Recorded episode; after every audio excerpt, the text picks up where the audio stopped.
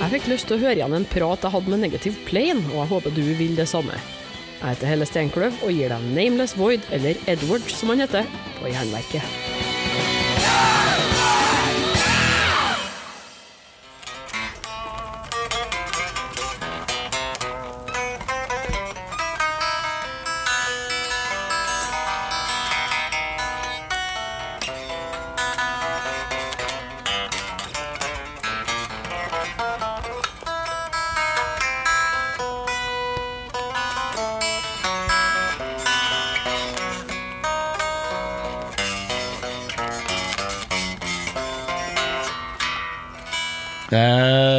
I should just say something instead. Let's see. So what am I supposed to say again? This is Nameless Void from Negative Plane, and you're listening to Jernverket. Jarnvike. Yeah. Maybe I should try that one more time. Yeah. This is Nameless Void from Negative Plane, and you're listening to Jarnvike. And I could use the guitar part Um. under it. Yeah, you.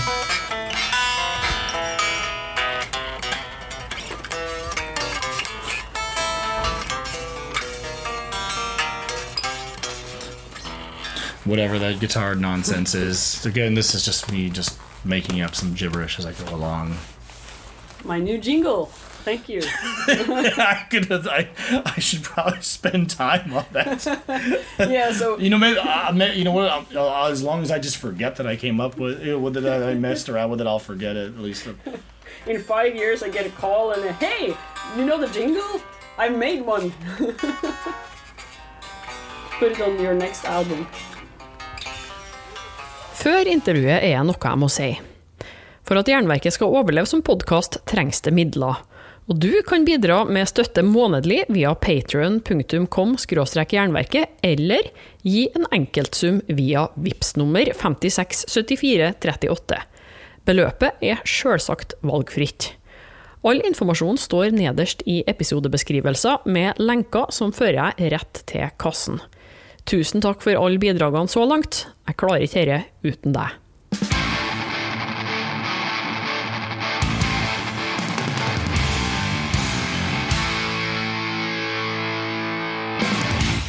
Evening, Oh, cool! then I'm gonna go to Budapest just to be a tourist. because I've seen the city once, but didn't really properly see it. I'd like to see it again. And it's a direct flight.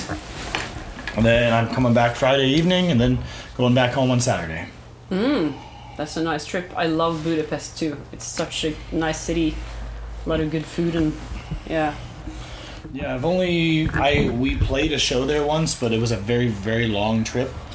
So we played there late at night. We were all exhausted because it was very very hot during mm. then. And then we got up extremely early that morning, and then had to go. So we really didn't get to see it too much. So now I'm gonna actually see it. It's gonna be pretty excited. It's like you'll only only be there like three and a half days, but still. Yeah, so just let's uh, start the serious stuff uh, here. Okay.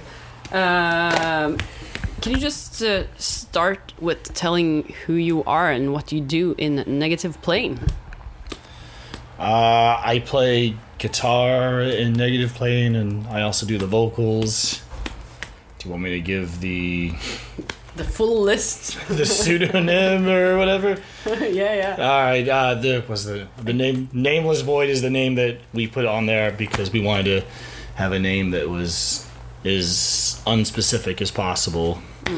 And then, but my real name is Edward Miller. Yeah, but do you prefer to be called Edwards in interviews? I mean, I, you know what? I, I do so few interviews that it doesn't really matter to me. you know? I never, I never have anybody saying. I, I feel honestly kind of silly if someone's sitting and using my pseudonym the entire time. Yeah. I'm like, all right, that's silly, you know. But Yeah. And people will find out who you are anyway, so. oh, I, I don't care. It's not like you know, it's.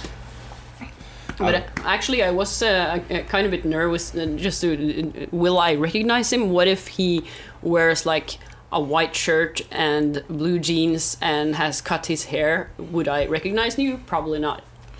But you look the same as you do on stage. yeah, I, I kind of do. Yeah, I don't change a whole lot. yeah, so maybe we could start at the the beginning, the negative plane story. Uh, Okay. When did it all start out? Um, it started out in sometime in 2001, the very beginning of it, I believe. Um, I was actually I was trying to do like organ music and bells and things like that because I didn't think I could come up with anything good for metal stuff, and then um, that's and then I the name when I came up with a name, I was taking a college course since everybody always wants to ask about the band name, I might as well tell people too. Um, the band name it comes from when when, we were when I was taking the class, uh, the instructor was telling us about the parts of a picture, and saying that the positive picture plane are the brighter, more prominent colors in the foreground. And the negative picture plane are the darker, more hidden colors in the background. So, I liked the metaphor quite a lot, and you know, I wanted a name that would be different that could I could go anywhere with. So I just took the word picture out and it's called negative plane. So I did that. I worked um, basically it's tried to do the organ bell stuff, and then whenever whenever I try to do something, I usually end up being uh, starting messing around with something else and then completely change it because it doesn't work out. So I actually started coming up with like metal songs. I was working with so I had a friend who had a drum machine, and it was a it, we started out really really just very kind of very amateurish. He would literally. Um, he had a drum machine. We didn't have a drum set or a drummer. He knew how to play, so he played on the drum machine like this. That's literally how we practiced. I plugged in. He had some music equipment. I plugged into his guitar pedal. I played along with him. I came up with stuff at home and then brought some ideas to him. And then we would literally play like this. And then we would record it like that. That's how our first demo came around in like 2002. Um, I remember the first, the, one of the things I was really into at the time was like Ved Buens Ende and things like that. So some of the stuff's a little bit of a rip off of that, I think. Um, I don't know. After a little bit doing that, though, I kind of felt like we weren't doing. You know, I wasn't really satisfied, and we didn't figure out how we really wanted to sound yet. And I think that right immediately after that demo, we. I don't, I don't like the sound on it. It's way too plastic sounding. And of course, it's somebody playing a drum machine, and um, but it, you have to start somewhere. So after that, then it was like right after that is when I met Matthias as our that's our drummer. Guess uh, Bestial Devotion is the name it says on the sleeves, and I started. I actually I, I met him at a destruction show. We we just said, hey, you know, he was he I, I was wearing a Beherit shirt, and nobody in Florida listened to Beherit at you know at that time. It was kind of one of those like you know who cares about that stuff. So he was like, hey, look, you're wearing a Beherit shirt. And we started talking, and then.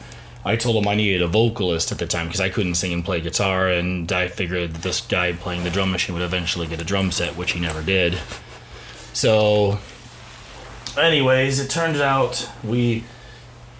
Um, so that's what it, he started out doing, doing the vocals, and then you know I play guitar, and then the person doing the drum machine, he didn't like the direction I wanted to take negative plane in, which was a more like older, more evil sounding direction to me less Ved Buens Ende influence, more just Mercyful Fate and you know like '80s black metal kind of stuff. He didn't really like that, and I that's what I wanted to go with. So he just kind of stopped coming to practice and things like that. And, and I started working with some other drummer uh, down in uh, Orlando. Started driving down there. He uh, we tried to make the song sound good, and we tried for like six, seven months or so with Matthias doing vocals and this drummer playing drums, and he was terrible. He was awful, and I got we actually would get depressed at practice because it was like my I was we would play staring into the abyss because that was one of the we'd play that um, we would play death mass we'd play a church in ruin and we played one of the demo songs from Surreality, Screams from the Void. We'd play that, and then it sounded so bad. And we tried to record a demo, and it was hilariously bad. But then we found out that when he would go off and try to play something, and then like he'd go off and take a break and smoke pot or whatever, then Matthias the voc you know the vocalist at the time would jump on the drum set and he'd play it much much better because he just kind of like messed around on his friend's drum set but he would play the songs much much better and I don't know why it took us so long to come up to the right conclusion. Just because, again, you know, we we didn't know how things were supposed to be with you know, real band at the time. Eventually, we said, "Wait a minute, why why don't you just play the drums?"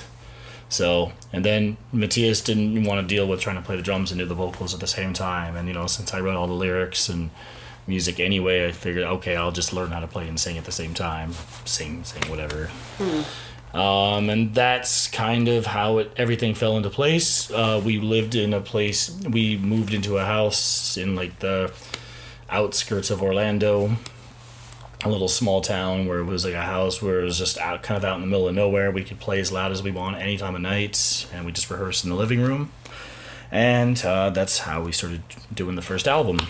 That's we tried lots and lots of bass players. Nobody. We actually recorded a promo we had a bass player at the time, but he was so lazy he would never show up. I'd actually literally have to like call him, try to pick him up, and he would like be too lazy to get up and answer the door. So, um, but we we actually got signed to Ajna because we we put his name on there anyway because we didn't want to look like a two piece because everybody was doing one piece, two piece black metal bands at the time. We wanted to look like a real band, so we like even though I played the bass on it, we put his name on it anyway, just so we would like you know, look like a real band. And it worked. Hmm. So then, yeah, but then we recorded the album, just the two of us, the first album, and then not long after that, we moved up to New York and then found a bass player, and then, you know, after a little bit of time, did uh, Stained Glass Revelations as well. I'm skipping a little bit forward in time with some of the stories and everything like that, but no problem. Don't mind me. I'm just um, trying to remember all the important details and everything, and I'm sure there's lots that I'm missing right now from our history. But but what? Uh, why did you move from Florida to New York? Did you know that the the scene was the scene uh, like better there, or what well, made you? We did. Florida is not the place for us. Um, I, you know, I mean, I looking back, I could say living in Florida, we were so bored that we had nothing better to do than work on music and things like that. But I mean, the atmosphere there is just, it's hot all the time. It's just palm trees and it's, uh, I don't know, it got very, very depressing and we needed, we needed to leave and get a change for a while. We were actually trying to figure out where in the States we wanted to go to and New York just seemed like the most promising place. Mm-hmm. So, and then um, Matthias's uh, wife had a family up there, and then I could relocate my job there. So, yeah, that's why we picked it. And on top of it, we figured because again, I told you we could never. We had like I countless numbers of bass players, and I got so sick of teaching the songs to people and everything like that, and we we figured we'd find a lot more musicians in New York. It's a larger city with more people, therefore probably more musicians, mm. and it worked. Within like two weeks of being in New York, we found our current bass player. Well, now he's our second guitar player because um, he wasn't able. He's not been able to come to Europe because of uh, visa issues. Mm. So, but do you have a European bass player uh, that no. steps in? Or? No, we have a um, Lewis, who I'm sharing this room with he um, he hasn't been on any of the albums, but he, he plays in another band with uh, Diego, who is the guitar, you know, the bass player. He was the bass player on Stained Glass Revelations, and now is the second guitar player. Mm. He, um, what was I saying here? Okay, yeah, no, he because he couldn't go. He said, "Okay, well, once you know, we why don't you have him go this instead?" So Lewis has been playing with us Okay. Ever since we come over here, but no, we we rehearse a lot, and we have to really get things right. There's really no way we could rehearse just have meet somebody here and play. There's no way we could do that. We really need to be really like practicing with each other all the time mm. to make sure we sound good, and because the songs get kind of complicated and everything. Yeah, okay. The, because the reason I asked was was that I, I once I think I read that you had a, a player in Europe, but that might just have been a mix-up with. Uh, getting a, a, a, second guy in or a fourth guy really. Yeah, no. Uh, Lewis goes to Europe with us. He, he lives in the mm. state. He, we practice with him. Mm. He just he wasn't on the album or anything. He wasn't on any of the albums, but he does a very good job. You know, he's been playing with us since 2011. He's out very well. Let's talk a little bit about the, the songwriting. Um, Okay. That's um, you have very complex songs, and uh, you get to feel that there's a lot of work put in them, especially since you don't put out albums every year. no. I wish I wish I could think of a cool album every year, but it doesn't work like that. I uh, you, want to know about the songwriting? Yeah, yeah. How how do you put a song together? How how do you start? Is it like uh, with? Uh, do you have an idea uh, from the beginning, a feeling, or you just start playing and hey, this riff is cool? Um, that happens a lot of times, and then I build on that. Sometimes I think of a song title, I and then I try to think of things that music that would sound like that song title. Um, but yeah, I'd say it's it's half and half. It's usually me starting, coming up with just just messing around on the guitar, and then I come up with something that I think sounds good, and then I build something from there, and then say, oh, okay, well, this sounds like it would be the f- good first part of a song, or this would be a good ending to it. Um, you know, the, I I'm very very specific on what song I think would be. I'm very pers- specific about the order of songs on an album. That's one thing. Is like yeah, I sometimes write something because I want it to be the first song. I want it to be the last song because that's how I grew up. I used to listen to tapes when I was growing up, and I'd always be like I remember being very very into like a band having a great first song and it fits as their first song and the mm. first last one. But yeah, with the songwriting, I mean, let's see. For example, like Stained Glass Revelations, the song I, the main riff that opens the song, I thought of that first, and then I thought of the ending, and then I actually worked backwards in that one. But it, I don't know. I, I think of it, most of it, like the coming up with things for the most part is like, um, you just find one piece and then you build on that. You find out where that meets, and then I don't know. It's like I'm trying to think of a good analogy, like a bunch of like streams moving into becoming a river or something like that. Little parts coming together to become one thing, and the hardest thing is for me to actually find out how to put it together. Because I want to, you know, I want to put it together so it, you know, there's a lot. It builds a lot of tension um, at the right places. I don't want to play things a certain too many times. I don't want to be sound repetitive, and that's a very and I don't want to sound like other people. So that's a, it's a big challenge. It takes a long time to work on those things. But um, yeah, like, um, another time like you were talking about, I did have I remember going by when we were in Florida. I went to a Oh. close that yeah. Yeah, the Sounds sun so- is hot, too hot. Yeah, And yeah, it's you're never right. sunny in Bergen, so Yeah, so the first day when it's sunny, we actually take draw the curtains. That's Okay. kind of weird. Yeah, no. Um, where was I? Yeah, I was at like, for example, All Souls. I saw a cemetery. We passed a cemetery that said All Souls Cemetery, and I was like, "Oh, great song title. I'll think of I'll think of everything later." And then I wanted to make a song that sounded like what I pictured that title would be like, or like Unhallowed Ground. I remember hearing the song title um, and thinking the song, thinking of the song title, reading something about like you know Transylvania and everything, and then I figured it's like okay, we have to. I want to think of something that sounds kind of like what the song title would sound like. That's very very important for me. Is that the music and the lyrics sound like each other. Like uh, I want the lyrics to sound like the music. You know, I always come up with the music first, and then I add the lyrics for that afterwards. But that I feel like it, everything should sound, it, it should have, it, it should match with each other. Yeah, so you fit the the feeling into the music through the lyrics and the other way around. Yes. But but the, then this means actually that yeah, you have a, a lot of puzzle pieces laying around in your head and on tapes on uh, whatever. Oh yes, I have. I have like now because you know technology's evolved, and you know now you know we have smartphones and things like that. But I did have like little tapes of ideas and things like that. Now I have a, I have a little riff tape thing on my phone. I have like a bunch of different like riffs, and you know I, I say okay, I think this is the fifth song riff or riffs, and then I listen to them and try to figure out how they're supposed to go together and everything. But yeah, that's generally I just exactly like you said, like lots of little puzzle pieces and trying to figure out how they go together. But how far are you from a new album now? Since there's been very close. Actually, um, got to think of the words, but most of the music's done. Wow. Is it uh, like put down in the studio yet, or you just have the songs we- ready? The the hardest part is writing it. Once we have it written, recording it, and putting it there is pretty easy. You know, me and Matthias work very very quickly once we like know how things are supposed to go, and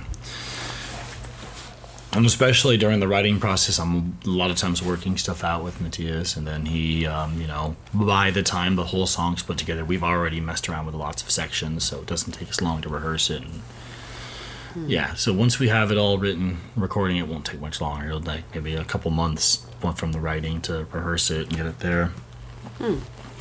The hardest part, I think, recording stuff. The hardest, the thing takes a lot longer than recording is mixing things for us. Yeah. Very, very, very hard to mix an album these days. It's like I, I, I always wonder how bands back in like the '80s and everything could just go into a studio, somebody pushes play and record on something, and it sounds amazing. And they, they just the band just gives a general idea. Now you have to, if you go to a studio, you have to fight with the engineer because they want to make everything really, really clear sounding. You know, I mean, I understand that from a studio point of view, but from us, we want the exact opposite of that. We want it to be murky, I mean, murky, and you know, we want it to have a certain atmosphere. And you know, studios don't even like slightly understand that idea these days. They just want it to be as you know, you hear every little piece. And for us recording stuff, we don't really care if people hear every little note and everything. We'd rather the atmosphere be stronger than to hear like how well we play our instruments. It's hmm. more important that the atmosphere is good. The problem now might be that uh, there are so many choices hmm. to to do in the studio. You can uh, do the same take thousands of times, or cut them up, or you can put whatever effect you want on it. You you don't need to experiment. You can do everything in the studio, and that limits the possibilities to actually do something great on the first try. Uh, Yeah, I think I, I, I definitely think that sometimes yeah having too many choices makes it a little bit harder for people. Uh, makes it harder to get a good record out of it. And I just studios, a lot of them, even like bands that I, I've talked to a few bands. We, you know, we've talked to you know about like you know albums we like, you know, from the '80s and '90s, and then we'll bands will try to go to that studio. Like we actually, we loved um, the sound on Incantation Onward to Golgotha. We tried to go to the same studio and record like something there and see what it sounded like, and then of course the guy made it sound terrible because he didn't want to make it sound like the way he did in like 1992. He wanted it to sound as updated as possible. And even when we said we want it to sound like that, they just you know you can't. It's sometimes very hard to recreate that time.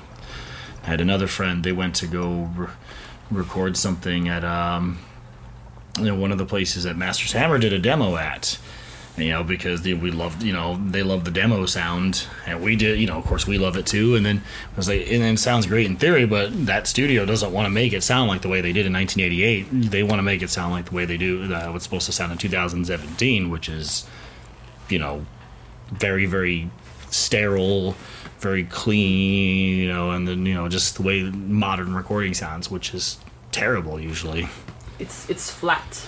Very flat, very soulless, and it sounds very update. Yeah, it just it just has very very lifeless sounding. It's not the way like metal should be sounding to me. Have you thought about uh, mixing uh, yourselves? Of course, we're, that's where that's our plan. Mixing is so so hard, and then when you and it's even more frustrating. You're a you're in a studio and everything sounds amazing on the studio monitors. You go home and it sounds depressing when you listen to it the way you would normally listen to it, like on a like a shitty stereo or you know.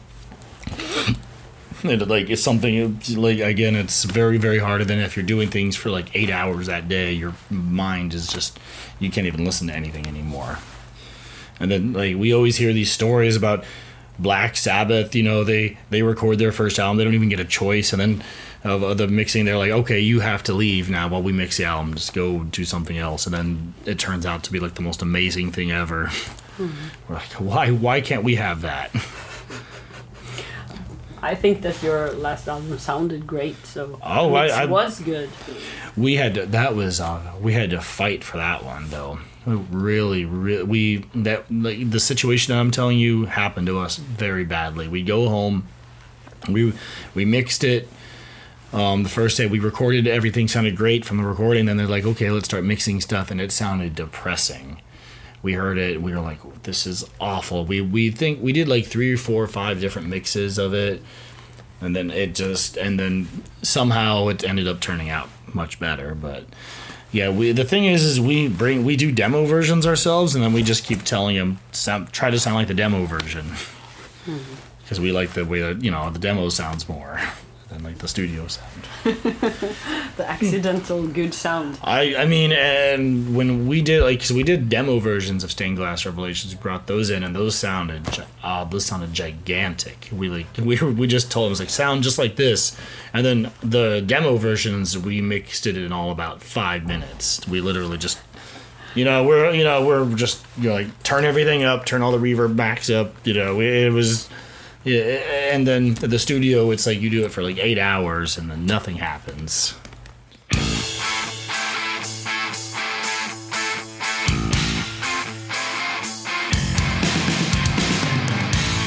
But now we've uh, talked uh, a lot about the music and writing processes, and um, uh, what about uh, doing all this live?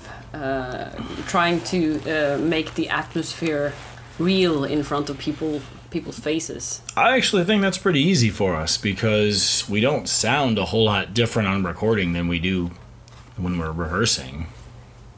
I mean, Matthias, he's great drummer. He, he hits very, very, very heavy. He doesn't, you know, he doesn't use triggers or anything like that. There's not a whole lot of studio trickery that we have to do. I mean, just put a little reverb on the drums, and he sounds the way he does on the albums. And a lot of the stuff I wrote was just for like I wrote it with one guitar. So, well, I mean, we, you know, of course, two guitars is always better, and hopefully, the next time we come to Europe, um, Diego will have his papers so we can actually play a two guitar set because we've been really, really wanting to do that over here in Europe, and we haven't been able to yet.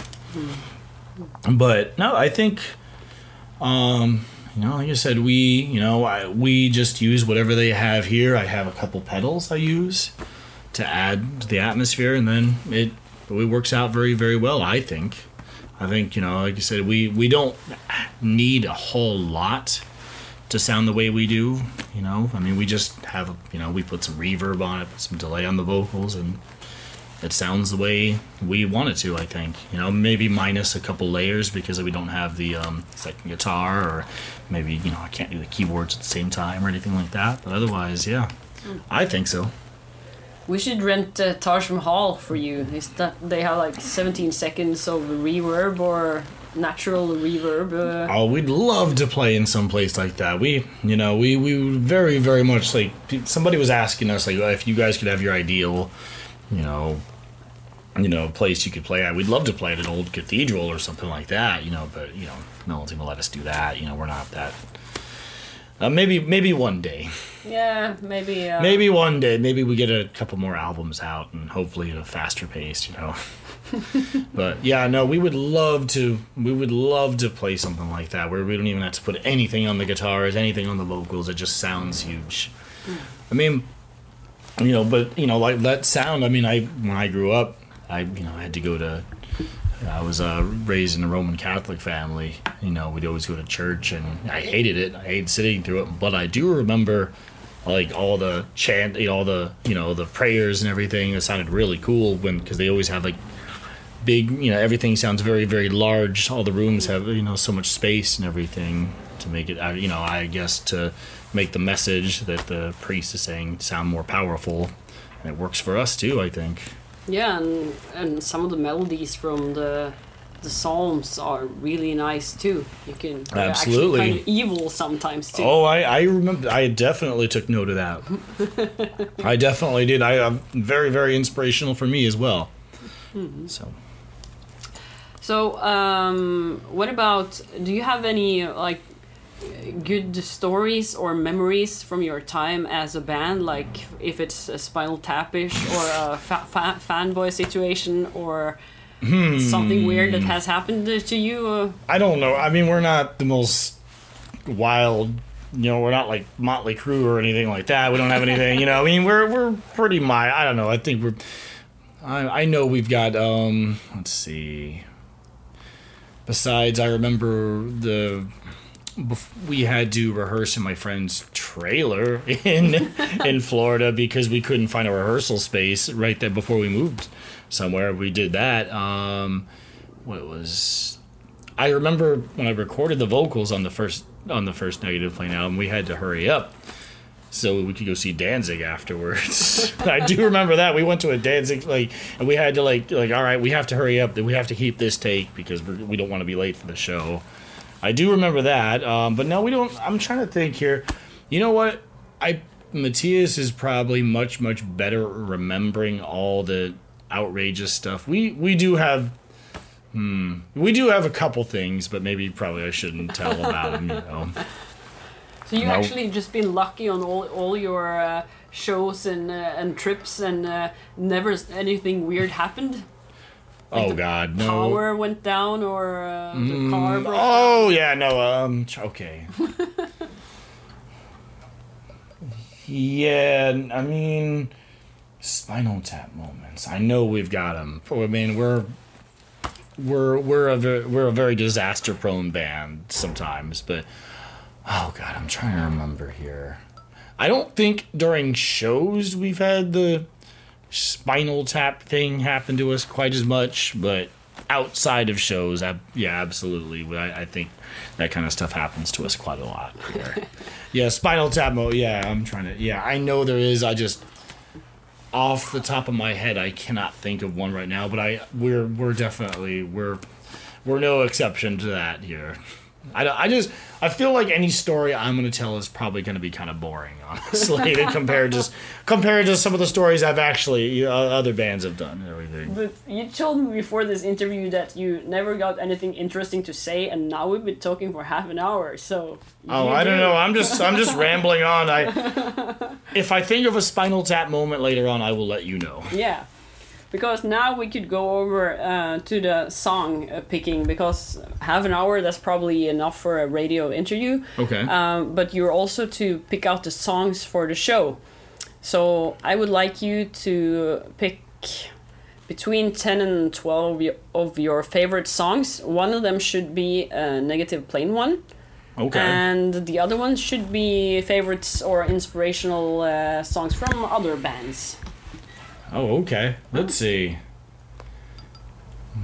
Let's see. Mercyful Fate, Come to the Sabbath, I think. Ah, I can't decide. There's so many great Mercyful Fate songs. I know. Actually, Mercyful Fate, Black Masses, I want to pick that one. And then, let's see. Black Sabbath, Wicked World, that's one I can think of.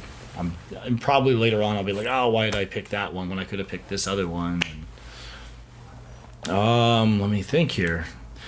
There's a very, very, very, very underrated band from Germany. There's there's a few bands with the same name from the same called Martyrium that's been a huge influence on us.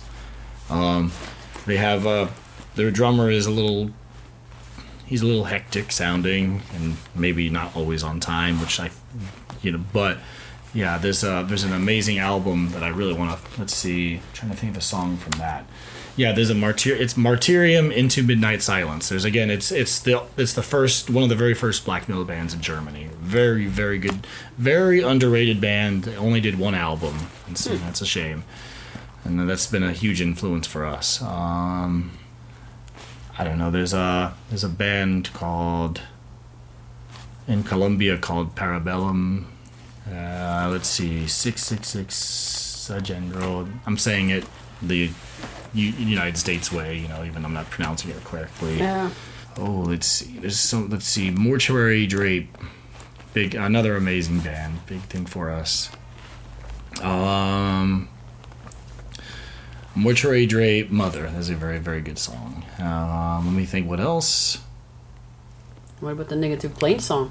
Uh, do I have to think? I was going to think of that last. Uh, if that's let's see. Wait, wait, wait. Black Hole, Black Hole Land of Mystery. Another amazing, amazing. That's a band. That's an amazing band. That like I- that didn't. I didn't hear them on the first Negative Play Down, but we heard them after we did the first one, and that was a big thing for us for Stained Glass Revelations. Black hole. Mystery? Yep, from from uh, from Italy, Black Hole, the song Land of Mystery.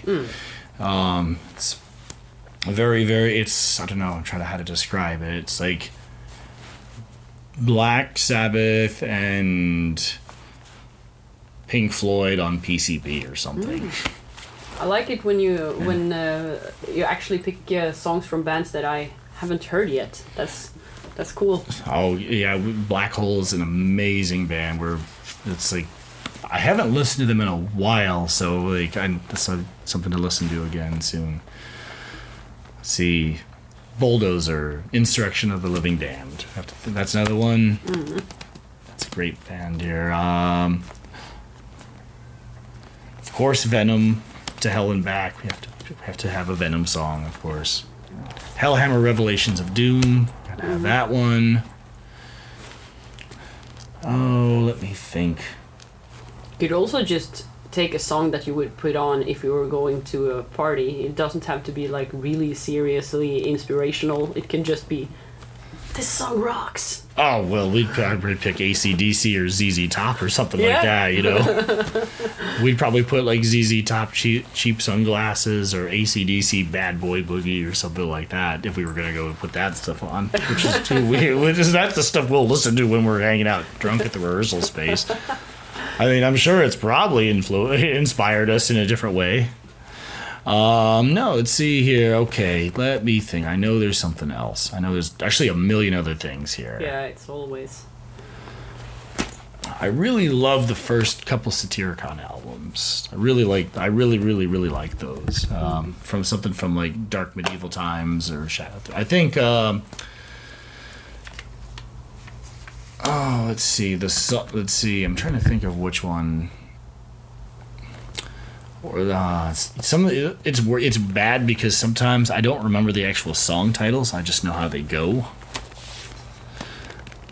You should just sing it.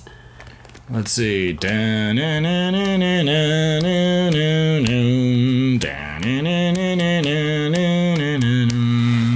It's the very last song on Dark Medieval Times. I just Oh, can't. okay. I just can't remember what Yeah. it's called now. No, no, but I'll find it. I, I suck at song titles too, so I really often have to put on a whole album just to click through it to find the one song. Ah, okay, it's this one. That's the title. Yeah, no, I really, really, I I really love those first two Satyricon albums. Very, very, very, very. I mean, of course, you know you've got like the you know the the really, really influential Norwe- Norwegian bands, which also you know rubbed off on us a lot, especially when we were first hearing black metal stuff like Mayhem and Burzum, and you know like the first Immortal album. Mm-hmm.